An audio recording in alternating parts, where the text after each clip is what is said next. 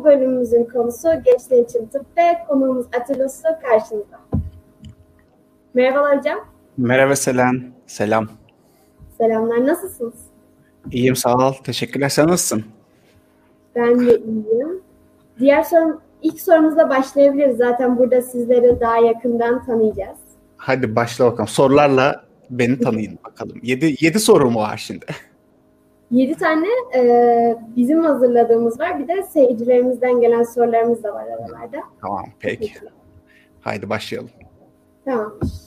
Hikayeniz nedir? Atilla Uslu'nun doktor olma hikayesi nedir? Bizlere kısaca bahsedebilir misiniz? Şöyle, sizde de nasıldır bilmiyorum ama lisedeyken büyük bir baskı olur. Ee, öğrenciler evet. üzerinde işte aileler tarafından işte tıp yaz, işte garanti meslek, e, işte işsiz kalmazsın falan. E, aç kalmazsın yani klasik değil mi? Memur, devlet memuru evet, zihniyetidir evet. bu. Ee, ama ben baskıdan dolayı yazmadım. Hani birçok insan bu şekilde geliyor olabilir tıp fakültesine ama e, beni okuduğum bir kitap çok etkilemişti. E, TÜBİTAK Bilim Yayınları'nın bir kitabı vardı. E, Vertosik Junior denilen bir beyin cerrahının yazdığı anılar kitabı. Ben böyle biraz kararsızdım, aradaydım işte mühendislik mi yazsam, tıp mı yazsam e, ya da başka bir şey mi yazsam böyle tam karar verememiştim. O kitap okuduktan sonra işte o adamın anıları işte insanların hayatına dokunması, e, işte o insanları iyileştirmesi ve onunla ilgili böyle güzel hem bazen hüzünlü hem bazen komik e, bazen de çok böyle insanın ya bu ben olabilirdim işte bu insanın hayatına dokunan kişi ben olabilirdim falan gibi bir ruh psikolojik duruma girdim. Sonrasında da e, tıbba doğru yöneldim. Orada aklıma girdi benim. Bu ne zamandı? Lise 2'deydim. Yanlış hatırlamıyorsam. Bizde lise 3 yıldı. İşte bir yıl hazırlık vardı. Lise 1, 2, 3 ve sonra üniversite sınavına giriyorduk. Yani iki, iki yıl varken bu kararı yaklaşık olarak vermiştim. Ee, sonrasında zaten Ankara Üniversitesi Tıp Fakültesini kazandım ve orada hayatıma devam ettim. Yani tıp yazma hikayem bir kitap ile özdeş aslında. Aile baskısıyla tıp okumamanız iyi olmuş. Çünkü genelde insanlar hani aile baskısıyla gerçekten tıp öğreniliyorlar. Aynen öyle. Aile baskısı. Ee, işte bir askeriyeye gir diye bir aile baskısı vardır ortaokulda. Ondan sonra Hı-hı. lisede de üniversite sınavına girmeden de işte diş hekimi ol, doktor ol. Ee, ne bileyim böyle hani garanti. Gar- garanti olsun. Bir şekilde para kazan. E, iş bulmaya çalışma falan. Çünkü Türkiye'de işler her an değişebiliyor. O yüzden de böyle özel sektör yerine devlette çalışmak daha güvenli hissettiriyor insanlara kendini Ve demek. Garanti oluyor. Aynen. Diğer sorumuza geçelim o zaman. SOP 101 dersek bizlere kısaca neler anlatabilirsiniz?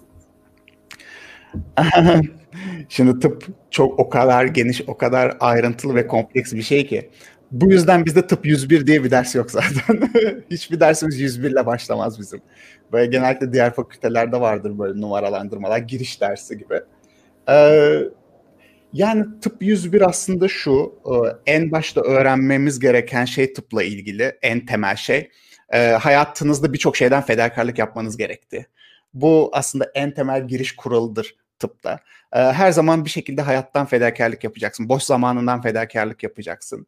Asla işten kaçmayacaksın. Bahane üretmemeyi öğreneceksin. Bahaneler üretmeye başladıktan sonra zaten ilerleyemiyorsun tıpta. Yani bahanelerin içerisinde boğulup kalıyorsun. Ee, bir diğer e, giriş mesajı tıpla ilgili her zaman ve her zaman e, takım oyuncusu olmayı öğrenmek gerekiyor. Beraber birileriyle çalışmak gerekiyor. Tıp fakültesinde şöyle bir şey var. Ee, belki ileride bilmiyorum e, sorularda ne kadar girerim o konuya. Ee, insanları egoludur gerçekten. Yani bir egosu vardır ve o egoyu yıkmak, o yüksek egoyu anlaşmak, o egoyla beraber bir iş yapmak zordur bazen. Doktorlar arasında da bu yüzden çok çatışma oluyor gerçekten. Ee, o ilişkiyi kurabildiğin zaman aslında e, daha güzel, tabii hasta için daha olumlu, daha güzel şeyler yapıyorsun. Ee, bir de şunu da söyleyeyim unutmadan, belki bütün şu yayını izleyecek tıpçı varsa zaten mutlaka şunu bekliyordur. Uykusuz geçecek geceler ve sabahlara kadar çalışılacak bütün dersler işte kitaplar.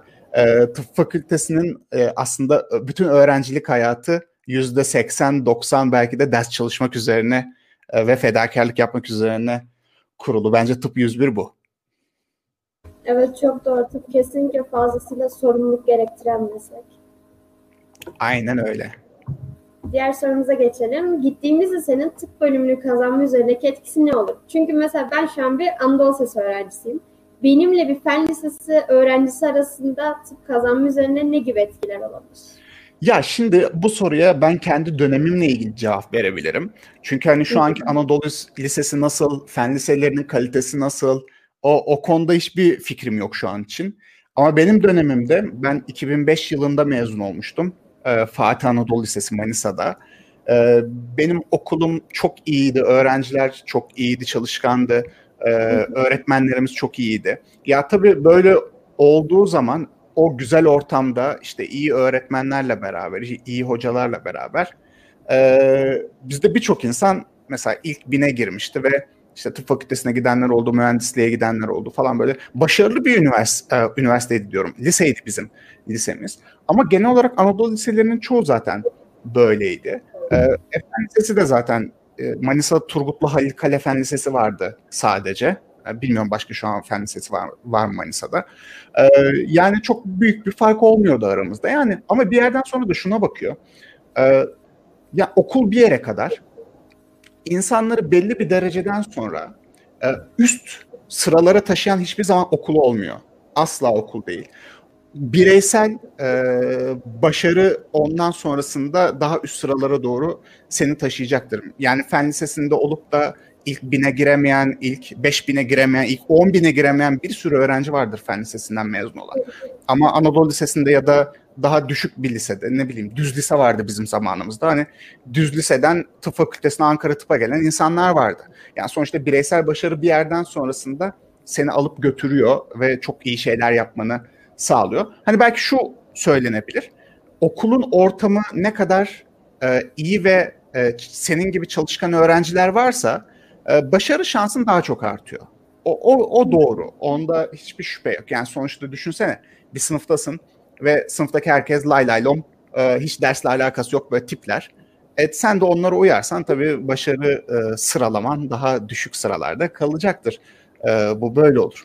Ama onun dışında çok ciddi bir fark olduğunu düşünmüyorum. Evet doğru. Diğer sorumuza geçelim. Mesleğiniz ilgili duymaktan sıkıldığınız sorun nedir? o kadar çok şeyden sıkıldım aslında ama bir tanesini söyleyeyim gene bugün de başıma gelen. Şundan sıkılıyorum. Ee, hastaya reçeteyi yazıyorum mesela. Elektronik sistemde yazılıyor bu arada. İşte elektronik imza atıyor falan bir proses süresi var onun. Ee, ve her şey tamam hastaya reçete numarasını ve her şeyi verecekken sonra hasta diyor ki hocam ya bir de şunu yazar mısınız bunu söylemeyi unuttum. Bu en nefret ettiğim şeylerden bir tanesi. Çok bunaldım bu cümleden. Bu yüzden de hani her zaman e, reçeteyi yazmadan artık soruyorum. Başka unuttuğum bir ilacım var mı? Bak iyi hatırlamaya çalış. Bak yazıyorum. İşte gönderiyorum falan diye böyle hani şey oluyor. Emin misin? Son kararımı falan diye böyle hastayı birazcık da zorluyorum. Ee, çoğu hatırlıyor gerçekten başka bir şey. Ee, ama bazısı da inatla herhalde böyle bir alışkanlık oldu sonradan söylüyor. Bu, bu beni çok bunalttı gerçekten. Şu an bunu ben de aklımın bir köşesine yazdım. İleride doktora gidersem bunu da şey yaparım. Sizden gelenlerden bu da. Diğer sorunuza ben geçeyim. Tıp fakültesini kazanmak mı daha zor, okumak mı daha zor? Çünkü kendi çevremden aldığım yorumlara göre kendileri okumanın daha zor olduğunu savunuyorlar. Sizin Şöyle söyleyeyim. Ben birazcık daha somutlaştırayım olayı. Ee, hani bu sorunun cevabı çok objektiftir bu arada. Yani kişiden kişiye değişmez. Bu sorunun tek cevabı okumak daha zordur. Kazanmak, okum yani şöyle de söyleyebilirim neredeyse hani tıp fakültesini kazanmak için çalıştığım efor, sarf ettiğim efor e, belki tıp fakültesini bitirmek için sarf ettiğim eforun e, onda biridir belki o şekilde söyleyeyim. Kendi çevremden de bu tür yorumlar alıyorum çünkü. Ya bu tartışılmaz. Bu çok objektif cevabı olan. Yani bu kişiden kişiye değişen bir cevap değil onu da söyleyeyim. Tamamdır. Diğer sorumuza geçelim. Bizlere mesleğinizle ilgili en komik anınızı anlatır mısınız? çok fazla komik şey var tabii tıp fakültesinde, doktorlukta. Öğrenciyken de yaşadığım komik şeyler var. Doktor olduğumda da yaşadığım komik şeyler var. Bir tanesini anlatayım hatta ben Twitter'da da çok paylaşırım böyle anılarımı. Ee, onlardan bir tanesini anlatayım. Geçenlerde bana e, başka bir doktor arkadaşım yolladı işte şöyle sayfalar falan var ya böyle sürekli paylaşıyorlar işte komik şeyleri. Orada da paylaşılan şeylerden bir tanesi. Ee, bir gün böyle odada oturuyorum. Ee, işte sabah hastaları muayene ettim. Ee, işte bazen biyopsiye iniyorum çıkıyorum falan. Bazen odada olmuyorum. Ee, sabah beni muayeneye gelen hastalardan bir tanesi pasta getirmiş. Daha sonrasında muayene olduktan sonra. Tabii Covid, Movid falan yok öyle serbestçe gidip bir şeyler alıp getiriyorsun falan öyle bir ortam. Covid öncesi dönemde. Ee, ama benim haberim yok. Ee, sonra beni, şimdi bu bunu bırakıyorum bir köşeye. Sonrasında beni öğlene doğru asistanlarım aradı. Ee, dediler ki işte abi dediler gel e, sana bir sürprizimiz var falan dediler. Tamam dedim gittim böyle. İşte seni çok seviyoruz abi falan diye böyle pasta var bir tane. Bunlar kola mola falan bir şeyler almışlar böyle. Abi iyi ki varsın işte seninle beraber çok e, e, bir şeyler öğreniyoruz falan diye bana gazı verdiler falan böyle. Ben de duygulandım falan böyle. Diyorum ki arkadaşlar çok e, incesiniz, naziksiniz, ben de sizi çok seviyorum falan diye böyle sarmaş dolaş olduk. E, sonrasında öğleden sonra hasta geldi, o hasta. Hocam dedi işte sonuç göstermek için. Hocam dedi pastayı beğendiniz mi falan dedi. Ben dedim ne pastası? Hocam size ben pasta getirdim ama bulamayınca e, asistanlara bıraktım, asistan doktorlara bıraktım falan dedi. Dedim bu çakallar beni oyuna getirmişler falan. Sonrasında tabii onlar için iyi olmadı bu yaptıkları şey. Benim pastamı böylece bana yedirmiş oldular. Yani kısacası hatta kendileri de yediler. Belki bana gelseydi ben onlara vermeyecektim ama böyle bir olay yaşamıştık. Ee, tabii takdir ettim onları. Hani zekice, güzel evet. kurgulanmış bir şey. Eğer ben bunu fark etmeseydim e, hani onlar için de benim için de güzel bir şey anı olarak kalacaktı ama güzel bir anı olarak kalmadı böylelikle. Komikmiş bu Ama öyle bir, bir, birçok şey var. Yani ama hasta aslında birçok şey hastalarla komik anılarımız oluyor aslında çoğu. Ama tabii burada hastalarla ilgili anıları çok anlatmak mü- mümkün değil. Evet. Ee, bir tane daha anlatayım. Bir tane daha çok komik bir anı var. Benim sevdiğim bir anı. Öğrencilikten ama bu anımız.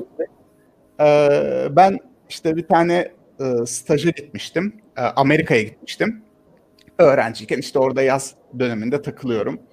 Ee, bir tane kokteyl gibi böyle güzel bir toplantı ortamı oldu. Ben de gittim o kokteyl işte. Ee, insanlar da geliyorlar falan böyle güzel bir ortam var. Herkes birbirinin masasına gidiyor. İşte muhabbet ediyorlar. Büyük hocalar falan var. Ee, tıp fakültesinde. Ee, Maryland Üniversitesi'ndeydi o kokteyl. Ee, işte Johns Hopkins'ten birileri var falan böyle global bir e, toplantı. Orada bir adamla konuşuyorum ben. Yaşlı cana bir adam. İşte muhabbet ediyor benimle. Türkiye de tıp nasıl şöyledir böyledir ne olacaksın işte Amerika'ya gelmeyi planlıyor musun falan falan. Neyse ben baydı falan adam bir muhabbeti beni baydı. Sonra adam dedi benim de laboratuvarım falan var. E, istersen gel bir ara çalış takılalım falan dedi. Ben dedim tamam hocam e, işte çok teşekkür ederim falan diye. Sonra adam, adam gitti ben adamı çok şey yapmadım böyle e, üzerine düşmedim adamın.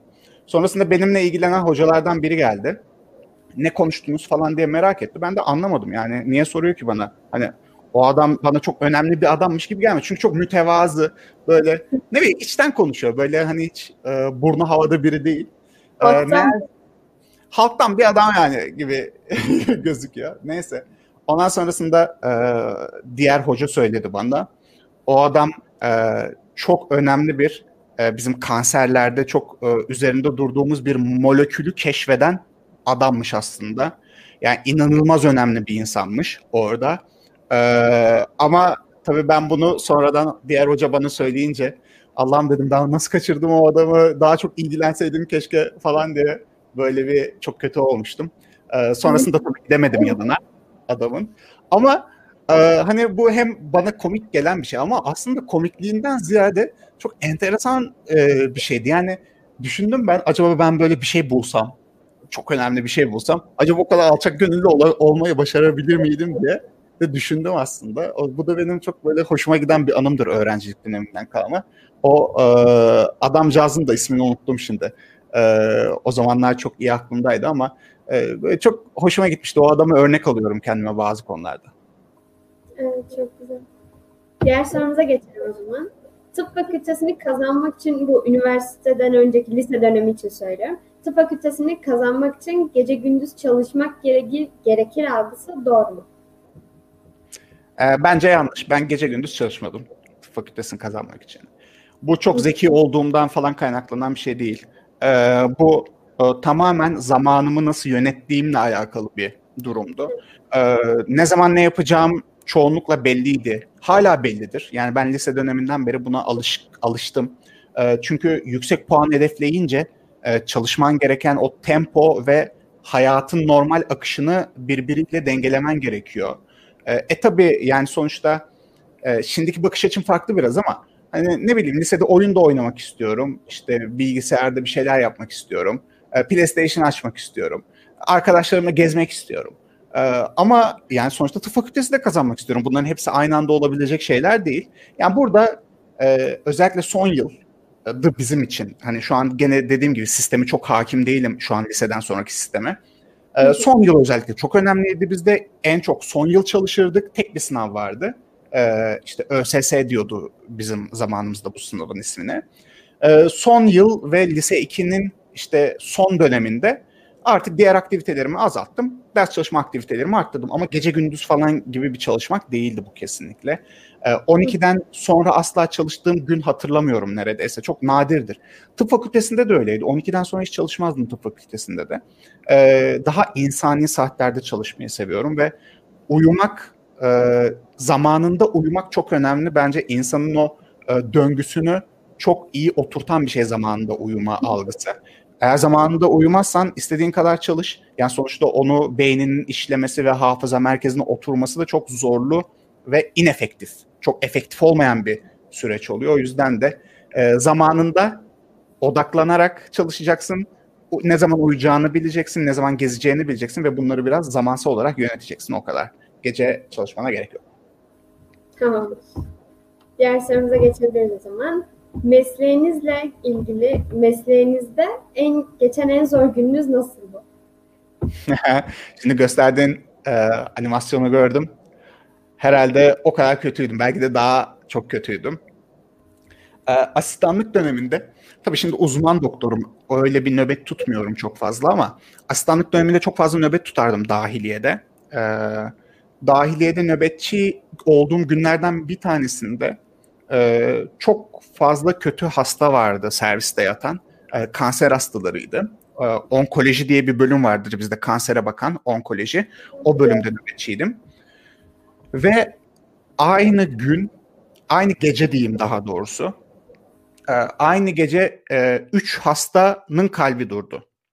Ve e, bir tanesinin yani iki tanesinin aynı andaydı. Biri daha sonrasında ve bunlara yetişmek için doktor arkadaşımla, nöbetçi olan diğer doktor arkadaşımla beraber inanılmaz bir yoğunlukla çalışmıştık Sürekli kalp masajı yapmıştık. Ee, işte hasta geri dönüyor, tekrar kalbi duruyor, tekrar masaj yapıyoruz. E tabii kanser hastası bir sürü problemi var. Ee, son döneme gelmiş artık kanseri de. Ee, çok bir tedavi umudu da e, olmayan hastalar çoğu. Ee, ve o, o gece yani e, inanılmaz bir şekilde iki kez üstümüzü değiştirecek kadar terlemiştik. Yani iki kez üstümüzü değiştirdik. Ameliyathaneden işte bize forma falan getiriyorlardı. Ee, sabaha kadar e, maalesef bazı hastaları kaybettik. Bazıları sabaha kadar e, yaşatabildik ama e, herhalde o kadar kötü bir gün asla geçirmemiştim. Bir hastanın bile kalbi dursa bir gece nöbetinde hani gerçekten çok yoğun geçiyor ve sıkıntılı oluyor ama üç hasta da aynı anda olması e, gerçekten çok zordu bizim için ve bütün ekip için aslında hemşire e, hanımlar için de çok zordu. Bizim için de zordu. Intern doktorlar için de zordu e, zor bir gece geçirmiştik. O geceyi asla unutam unutamam yani. yani öyle. Stajlar hakkında bilgi verebilir misiniz? Doktorluk çok, olduğunu duymuştum. Çok genel bir soru. Şimdi stajlar bizde e, dördüncü ve beşinci sınıfta alınıyor aslında. Son yılda internlük dediğimiz e, böyle tam doktorluğa artık bir kala e, kliniklerde çalışma süreci var. Hani o da bir staj aslında ama e, kimse ders anlatmıyor internken çok fazla. Hani daha çok dördüncü, beşinci sınıftayken işte ders anlatımlı stajlar oluyor. E, klinik uygulamalı stajlar. E, bizim için stajlarda en önemli şey öğrenciyken şu oluyor. Ee, sonuçta doktor olacağımız zaman acaba bir dahiliye doktoru mu olsam, dahili bir bilim, işte cerrahi değil yani hani ameliyat yapmayan bir bölüme mi e, gideyim yoksa bir cerrah mı olayım? Ayrımını yapmak çok önemli oluyor ve stajlarda e, gördüğümüz o derslerin hepsini tek tek alıyoruz. E, ve kafamızda şu oluşmasını istiyoruz. Yani tabii ki bir şeyler de öğreniyoruz ama şunu da oluşturmaya çalışıyoruz kafamızda. Ya ben acaba cerrah mı olmalıyım? Beyin cerrahisi mi istiyorum ben? Ya da e, kulak burun boğaz mı e, istiyorum? Göz cerrahisi mi istiyorum? Ya da acaba ben dahiliye doktoru mu olayım? İşte hematoloji mi seçeyim? Daha sonrasında işte nöroloji mi seçeyim falan diye e, işte cerrahi olmayan bölümlere mi gitsek diye bir e, orada bir ayrım yapmaya çalışıyoruz. Tabii stajlarda da gene çok ders çalışmamız gerekiyor. Stajlarda e, orada hiçbir şey değişmiyor. Yani ilk üç yıl e, staj o yok. Sürekli biri sana ders anlatıyor. Hasta görmüyorsun çok fazla. Ama dördüncü, beşinci sınıftan sonra hem hasta görüyorsun hem sana ders anlatıyorlar hem pratik uygulamalar oluyor. Hem pratik uygulamaların sınavı oluyor hem yazılı sınav oluyor hem sözlü sınav oluyor falan falan derken tabii artık iyice e, yoğunlaşıyor e, ve sen de yorulmaya başlıyorsun, tükenmeye başlıyorsun artık yavaş yavaş. E, stajlar bu şekilde ama tabii her stajın kendi dinamiği de farklı. Hani ben genel söyledim ama hani dahiliye stajı çok farklıdır, e, beyin cerrahi stajı çok farklıdır, kulak burun boğazın stajı çok farklıdır. Yani bunların hepsi ayrı kendi içerisinde çokça farklılığı olan şeyler aynı zamanda. Ama genel e, anlamıyla söylediğim gibi. Hı hı. Anladığım kadarıyla tıp bölümü sürekli çalışmakla geçiyor. Sanırım hiç dinlendiğiniz bir kısım yok. %90 çalışıyorsunuz. Şimdi şöyle, e, bu insanları kork yani korkutabilir, korkutmaya da bilir. Şöyle, bu bir yerden sonra zaten yaşam tarzı haline geliyor. Yani çalışmak için özel bir çaba harcamıyorsun artık. Çünkü zaten çalışıyorsun. Ee, ve beyninin bir köşesinde hep çalışma dürtüsü var zaten. Çalışma iste isteği herkeste olmayabilir ama hani çalışman gerektiğinin farkındasın. Ee, eğer çalışmasan geride kalacağının farkındasın ve tıpta her gün, her hafta bir sürü yenilik oluyor ve bu yenilikleri takip etmezsen e, hastaya da faydan çok yüksek olmayabilir. E, o yüzden de bunun farkında olarak, bunun sorumluluğuyla zaten e, çalışıyorsun sürekli. Yani ben şu an hani dedin ya tıp fakültesi kazanmak mı okumak mı? Hangisi daha zor? Mesela şu an da tıp fakültesinden daha fazla çalışıyorum ben. Yani yükseldikçe çalışma temposu da aslında artıyor belli bir yere kadar. Evet. Diğer sorumuza geçelim o zaman. Mesleğinizle ilgili ufku iki katına çıkaran bir bilgi verebilir misiniz bize? Ufkumu iki katına çıkaran bir bilgi mi? Evet. ya şimdi şöyle e, doktorlukla ilgili genel söylüyorsun değil mi? Hematolojiyle ilgili değil şu an. Hı, genel olarak. Şöyle söyleyebilirim. Benim ufkumu ne ilerletti diye şimdi biraz düşünmem lazım bu soruda. Şuydu ufkumu ilerleten şey aslında. Doktorluğun ve tıp fakültesinin yani tıp, tıp fakültesinde öğrenci olmanın inanılmaz bir şekilde e, yeniliğe açık olmak gerektiğini aslında ve dil gerektirdiğini öğrendim. E, şöyle söyleyeyim, bunu birazcık açacağım. Ee, ben tıp fakültesi ikinci sınıftayken Türkçe kitapları okuduğumda, aldığımda tıp fakültesindeki kitaplar çünkü genellikle Türkçe. E, yani Türkçe tıp fakültesinde okuyorsan Türkçe oluyor genellikle. O kitapları okuduğumda şunu fark etmiştim. Bizim okuduğumuz kitaplar aslında İngilizce orijinal kitaplarının 2-3 yıl gerisinden okuyoruz biz bunları. Çünkü çevriliyor falan bize geliyor. O bize gelene kadar kitap eskiyor aslında Türkçe'ye çevrilene kadar ve sen aslında ilk okuduğun zaman eski bir şey okuyorsun. Yani çok da yeni olmayan bir şey okuyorsun. Evet, bunu gör hızlı yenileniyor. bir şey çıkıyor. Aynen. Bunu gördüğüm anda, e, anladığım anda daha doğrusu e, nutkum tutulmuştu ve demiştim ki hemen İngilizce öğrenmem lazım ve kitapları kesinlikle İngilizce okumam lazım. Bunun başka bir yolu yok. Ben 2-3 evet. yıl geriden takip etmek istemiyorum hiçbir şey falan gibisinden böyle bir paniğe kapılmıştım ve bütün Türkçe kitaplarımı atmıştım. Ve hepsinin yerine İngilizce e, tıp kitapları almıştım. E, ve bu aslında bana işte bundan sonraki hayatımda da hep o yeniliğe ve günceli yakalama dürtüsüyle beni böyle inanılmaz bir şekilde ilerletti ve ufkumu açtı. Aslında ufuğa buna bağlayacağım. Bana bir bakış açısı, bu tarz bir bakış açısı e, getirdi. E, çünkü Türkçe dünyada kabul gören bir bilim dili değil. Bu İngilizce tartışmasız. E, İngilizce bilmeden e, tıbbı takip etmek de mümkün değil. E, ve buna ne kadar erken alışırsan, bunu ne kadar erken hayat tarzı haline getirsen de inanılmaz bir şekilde kolay ilerliyorsun. Ee, diğer arkadaşların çok daha eski şeyleri bilirken sen çok daha 3-4 yıl önceki bilgi, e, sonraki bilgileri on, onlara nazaran bilmiş oluyorsun. Bu da güzel bir güven duygusu insana aşılıyor. O zaman tıp fakültesine gitmek isteyenlerin daha önceden İngilizce öğrenmesi daha fazla yararlı olur değil mi? Yanlış. Aslında birçok fakültede öyledir. Hani ben tıp fakültesi için bunu ama yani hani hiçbir fakültede şunu söyleyemez herhalde. Ya İngilizceye bizde pek gerek yok, Türkçe yetiyor falan diyemez herhalde. Yani uluslararası bir şeyler yapmak istiyorsan, mesleğinde en iyilerinden biri olmak istiyorsan e, bu İngilizce bilmeden ve yenilikleri takip etmeden mümkün olmayacaktır. Diğer soruma geçiyorum o zaman. Bu sizden gelenlerden uzmanlık alanlarınıza nasıl ayrılıyorsunuz? Şimdi bizde sınav bitmez. Ee, üniversite sınavına girdikten sonra çok daha zor bir sınav var tıp fakültesinden sonra bittikten sonra tıpta uzmanlık sınavı. TUS diye kısalttığımız bir sınav tıpta uzmanlık sınavı. Tıpta uzmanlık sınavında bütün tıp fakültesi hayatınız boyunca gördüğünüz şeylerden size soru soruyorlar yaklaşık 240 tane soru çıkıyor. Ve bu 240 sorudan e, işte bu sınava giren işte 15 bin kişi civarında oluyor. 15-16 bin kişi civarında oluyor. E, belki son yıllarda birazcık daha artmıştır mezun sayısının artmasıyla. Tıp fakültesinin kontenjanları da arttı çünkü e, belli bir dönemde. Ee, aynen üniversite sınavına girerkenki gibi sıralanıyorsunuz. Herkesin bir puanı oluyor. Ee, bir tane kılavuz oluyor. Kılavuzda her üniversitenin bölümleri işte kaç kadro açtığı, e, yazıyor. Siz de tercih yapıyorsunuz. Tabii bazı bölümlerin puanı çok yüksek, bazı bölümlerin puanı daha düşük oluyor. Aynen üniversitedeki bölümler gibi. E, buna göre de yerleşiyorsunuz. Tamamdır. Diğer sorumuza geçiyorum o zaman. Mesleğinizin şu an trend topiği nedir? Bizim mesleğimizin trend topiği şu an e, kesinlikle kanser tedavisi hala. Covid'i bir kenara bırakıyorum çünkü hani Covid bu yıl çıkan trend topik ama genel tıp seyri için e, kanser tedavisi çok önemli bir trend topik. Şu an hücresel tedaviler özellikle.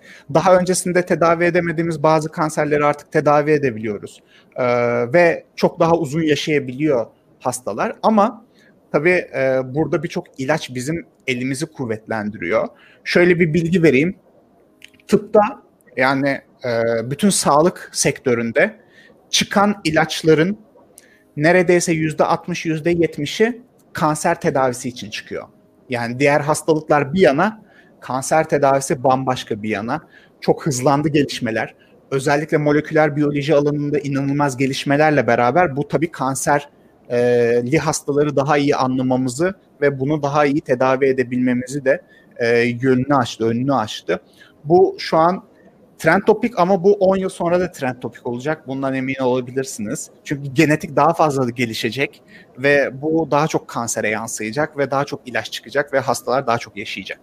Bu e, önümüzdeki birkaç 10 yıl herhalde trend topik olmaya devam edecektir. Evet. Sorularımız bu kadardı hocam. Katıldığınız için teşekkürler. Aa, Benim açımdan çok güzel ve yararlı bir yayın oldu. Benim açımdan da öyle. Yani ben sizin gibi gençlerle e, böyle sohbet etmekten çok e, mutluyum. Belki kendine yakın hisseden işte benim söylediğim şeylerden bir e, kendi hayatı için güzel bir şeyler çıkartacak olanlar da olabilir ki olacaktır büyük ihtimalle. E, şunu söyleyeyim yani doktorluk gerçekten en kısa birkaç tane şey söyleyeyim kapanışta. Doktorluk gerçekten zor mu? Zor. Doktorluk güzel mi? Bazı zamanlar çok güzel. Hani hiçbir şey değişmezsiniz bir hastanın iyileştiğini görmek, onu o kötü anlarını beraber geçirmek, daha sonrasında iyi olduğu, o hayata tutunduğu zamanlarda da beraber olmak. Gerçekten bunlar çok e, güzel, başka hiçbir yerde tadamayacağınız zevkler. E, böyle bir hissi başka hiçbir şeyde tadamazsınız. O kadar güzel bir şeydir. Ama zor mu? Zor. Belki hayatınızın yani o doktorlukta geçirdiğiniz zamanın %70-80'ini mutlu olarak değil mutsuz olarak geçireceksiniz. Onu da e, söylemiş olayım ben. E, herkese tıp yazın falan diye böyle e, bir mesaj vermeyeyim yani. E, tıp yazacak insan var, yazmayacak insan var. Hangi tarafta olduğunuzu algılamanız, seçmeniz lazım. Tamam. Peki son olarak kısa bir soru sorayım o zaman. Sizce tıp profiline uyan insan tipi nasıldır? Bu da kısa bir bitiriş sorusu. Şimdi öncelikle okumayı çok seven bir tip olması lazım. Böyle öğrenmekten zevk alacak. Yani o onun e, sırtında bir yükmüş gibi gelmeyecek öğrenmek. İnsan ilişkilerinin çok iyi olması lazım. Yani sosyal açıdan iyi bir ins- e, iyi bir seviyede olması lazım. Çünkü e, bizim doktorlukta başarılı olmamızı sağlayan ya da iyi bir doktor olmamızı sağlayan en önemli şeylerden biri iletişim becerisidir. Hem doktor doktor arası, işte doktor hemşire arası hem de doktor ve hasta arasında ki iletişim. Eğer iletişim iyi kurabilen biri değilseniz, ya içinize kapanıksanız, e, doğru soruları soramıyorsanız insanlara ya da ne bileyim yani hiç gülmüyorsanız ve böyle e, değişik bir e, negatif enerji veriyorsanız insanlara hani hastalarınızda da böyle bir sıkıntı yaşayabilirsiniz ve bu ileride problemlere yol açacaktır. Bir diğeri de şöyle sınava girmekten de korkmamak lazım. Tıp fakültesinde ve tıp fakültesinden sonra uzmanlığa giderken çok fazla sınav var. Mesela şöyleyseniz işte ben üniversite sınavından çok bunaldım bir daha sınava girmek istemiyorum falan diyorsanız tıp kesinlikle yanlış bir bölüm. Sürekli hayatınız boyunca sınavlara gireceksiniz. Ve en son bomba sınavda zaten tıp fakültesinde her şey bitti. Aa doktor oldum falan derken gel bakalım sen buraya daha her şey yeni başlıyor gibisinden böyle bomba gibi bir sınava girip çok daha zorluk yaşayacağınız bir dönem olacak. Birçok insan depresyona giriyor o dönemde onu söyleyeyim. E, hayatı çok kötü etkileniyor e, hele hele sınavı kazanamazsa ve böyle bir hayali varsa e, gerçekten çok mutsuz olabiliyor. Depresyondan çıkamıyor falan biliyor. Yani o yüzden e, tıp fakültesini yazacak insanların bütün bunları düşünüp o şekilde gelmesi lazım. Sadece garanti meslek işte işsiz kalmam mantığıyla yapılabilecek bir şey değil arkadaşlar kesinlikle. Evet, evet. O zaman hocam sorularımız bu kadardı. Benim için çok fazla bilgilendirici ve bayağı bir şey öğrendiğim bir yayın oldu. Çok teşekkürler katıldığınız için. Ne demek Selam ben teşekkür ederim. Sağ ol. İyi yayınlar bundan sonraki programlarınızda da. Teşekkürler. Görüşmek üzere. Hoşçakal. Bay bay. Bay bay.